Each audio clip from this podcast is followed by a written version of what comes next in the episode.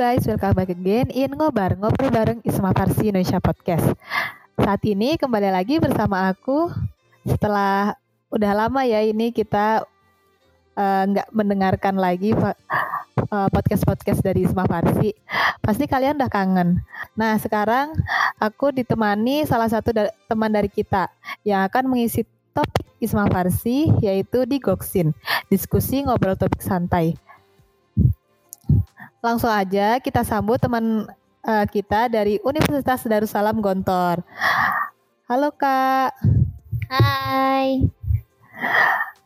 Bisa kenalan dulu dong Kak, nama Kakak siapa sih? Nama Nurul Maharani Putri. Biasa dipanggil Nurul. Oke Kak Nurul. Kakak gimana kabarnya Kak di sana? Alhamdulillah baik. Oke, semoga semuanya dalam keadaan sehat walafiat ya. Amin. Oke, karena tak uh, tadi udah kenalan nih. Sekarang Oke, Kak, langsung aja ya ke pertanyaan yang pertama. Siap, Kak? Siap, siap. Oke, nah uh, langsung aja ya kak. Uh, kakak ini kan dari Universitas Darussalam Gontor ya kak uh, Universitas Salam Gontor itu di mana sih kak? Unida Gontor itu ada di Ngawi, perbatasan Ngawi Sragen. Oh gitu, Ngawi itu di Jawa Timur dong berarti? Iya benar-benar Jawa Timur. Uh, menurut kakak banyak gak sih orang yang tahu Unida Gontor? Kalau untuk yang tahu, ya kayak banyak kayaknya. Soalnya ini kan juga dari Gontor ya, jadi pasti banyak yang tahu dan ya kemungkinan banyak yang tahu tentang Unida Gontor. Mungkin untuk datang ke sininya masih susah ya pandemi kayak gini. Uh, farmasi di Unida itu kayak gimana sih? Uh, mungkin ada sesuatu yang uh, menjadi lebih unik gitu dibandingkan uh, universitas lain. Kalau farmasi Unida sendiri letak uniknya ya karena universitasnya. Kita kan universitas pesantren nih. Jadi ada sistem pesantren di dalam universitasnya. Kita tinggal di asrama, kegiatannya dipadukan sama kegiatan pesantren, tapi tetap tetap farmasi sama seperti yang di luar farmasi pada umumnya. Cuma kegiatan kita ditambahkan eh, aspek-aspek aspek-aspek pesantrennya. Oh gitu kak. Jadi Unida ini uh, basisnya kan pesantren nih, seperti yang kakak bilang tadi. Berarti ada hafalannya gitu kayak pesantren biasa atau uh, lima waktu ke masjid atau uh, ya seperti sistem pesantren gitu. Emang nggak berat kak? Nah di sini nih uh, uniknya dan unggulnya kita udah dibagi nih waktunya mana yang untuk akademik dan mana yang untuk non akademik. Selebihnya kita memang bukan basic pesantren tahfidz, tapi untuk hafalan diperbolehkan. Hanya saja ada beberapa waktu tertentu dalam satu minggu kita juga mengikuti kegiatan tahfidz. Jadi nggak dibatasi berapapun mau tahfidznya dan tidak diwajibkan berapapun yang harus ditempuh. Hanya saja memang tiap minggu pasti ada kegiatan itu. Di lain kegiatan itu ya banyak kegiatan-kegiatan santri lainnya. Ada tahfidz, sholat berjamaah bersama, terus kegiatan-kegiatan yang mendidik lah kayak pertemuan-pertemuan ilmiah, ada diskusi islamisasinya juga. Nah, farmasi di sini juga dikasih sentuhan islamisasi farmasi. Kayak penggunaan obat herbal, halal, halal haramnya obat, segala segala sesuatunya deh. Oh, gitu, Kak. Wah, uh, bagus ya, Kak. Berarti sistemnya gitu. Jadi uh, ini Pasti di sana uh, berat ya kak. Kan farmasi itu juga udah berat gitu kak.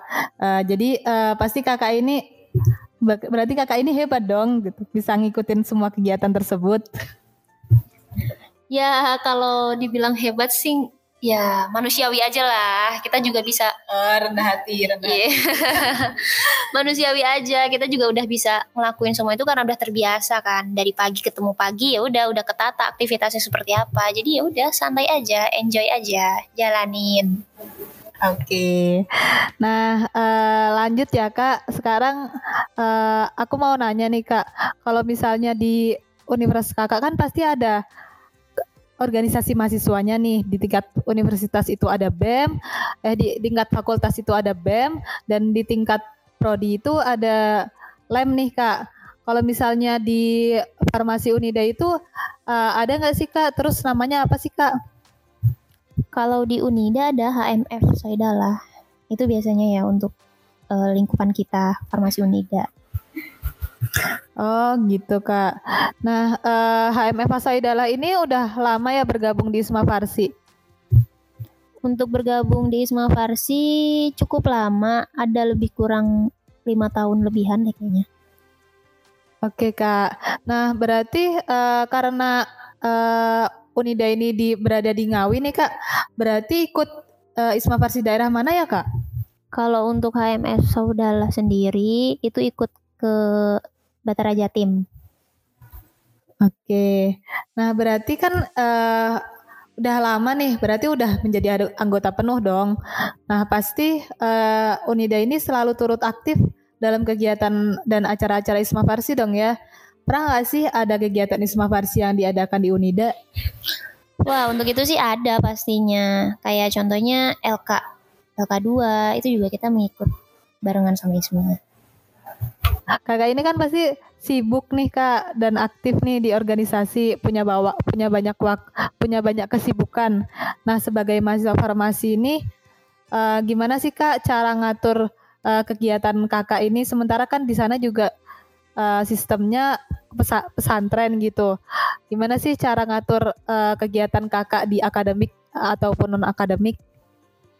Kalau itu strateginya sendiri sih fokus ya. Jadi kalau memang lagi di kelas, ya fokus di kelas. Kalau lagi di luar kelas, fokus sama apa yang dilakuin di luar kelas. Kayak lagi sibuk di akademik, ya fokusnya di akademik waktu itu.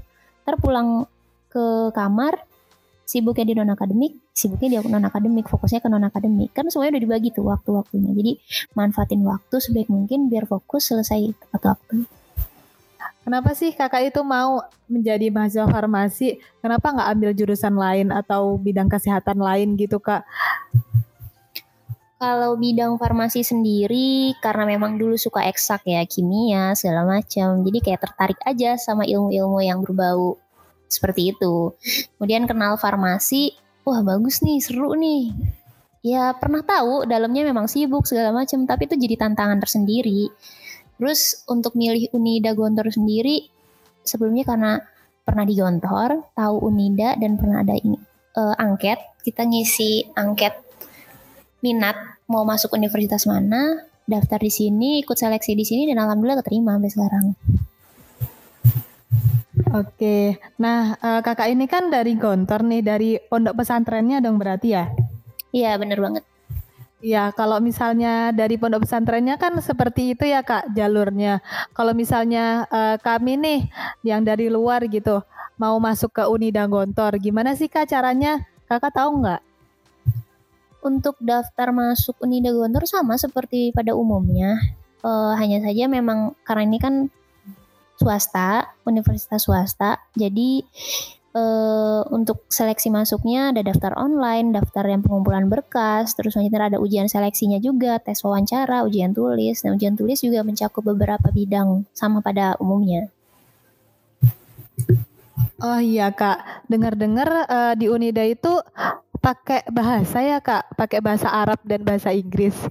Apakah nanti juga dibebankan di uh, masuk atau tahfidnya gitu juga uh, di ujian seleksi masuk gitu kak?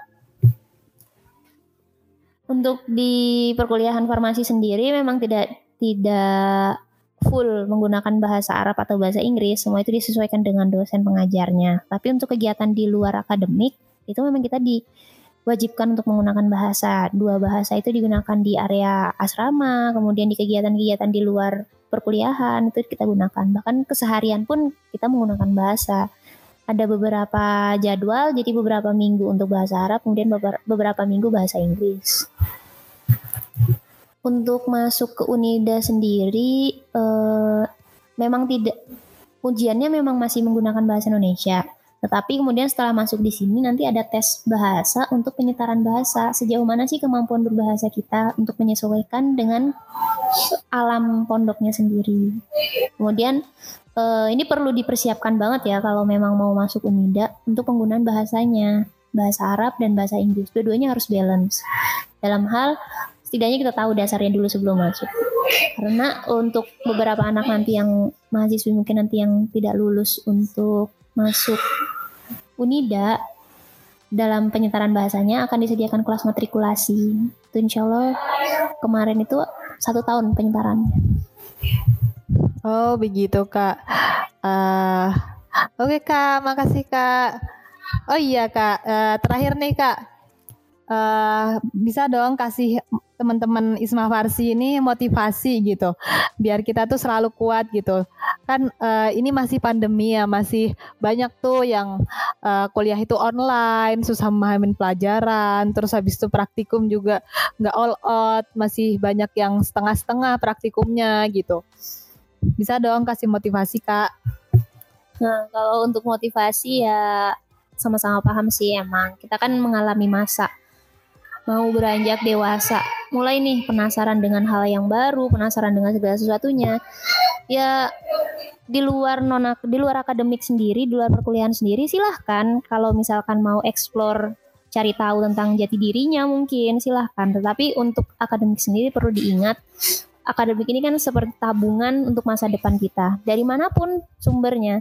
Nah karena hidup itu cuma sekali ya udah hiduplah yang berarti itu moto gontor sih yang memang bisa diresapi di mana-mana hidup sekali hiduplah yang berarti kalau bukan hari ini dan bukan sekarang apa besok bisa diperbaiki ya untuk besok yang lebih baik mending hari ini diperbaiki dan jadi lebih baik Oke, sangat memotivasi Kak. Makasih Kak udah ngobrol bareng aku di podcast Isma Farsi kali ini. Oke, semoga Kak sehat selalu Kak. Ya, amin. Makasih doanya. Sehat-sehat juga buat semuanya. Oke. Nah, untuk teman-teman yang yang sudah mendengarkan podcast ini, terima kasih ya. Semoga apa yang kita sudah obrolkan dan bincangkan dari tadi memberikan manfaat dan pengetahuan bagi teman-teman sekalian. Kalau teman-teman su Isma suka dengan podcast ini, Jangan lupa follow podcast ini dan selalu nantikan podcast Ngobar Isma Farsi lainnya hanya di Spotify.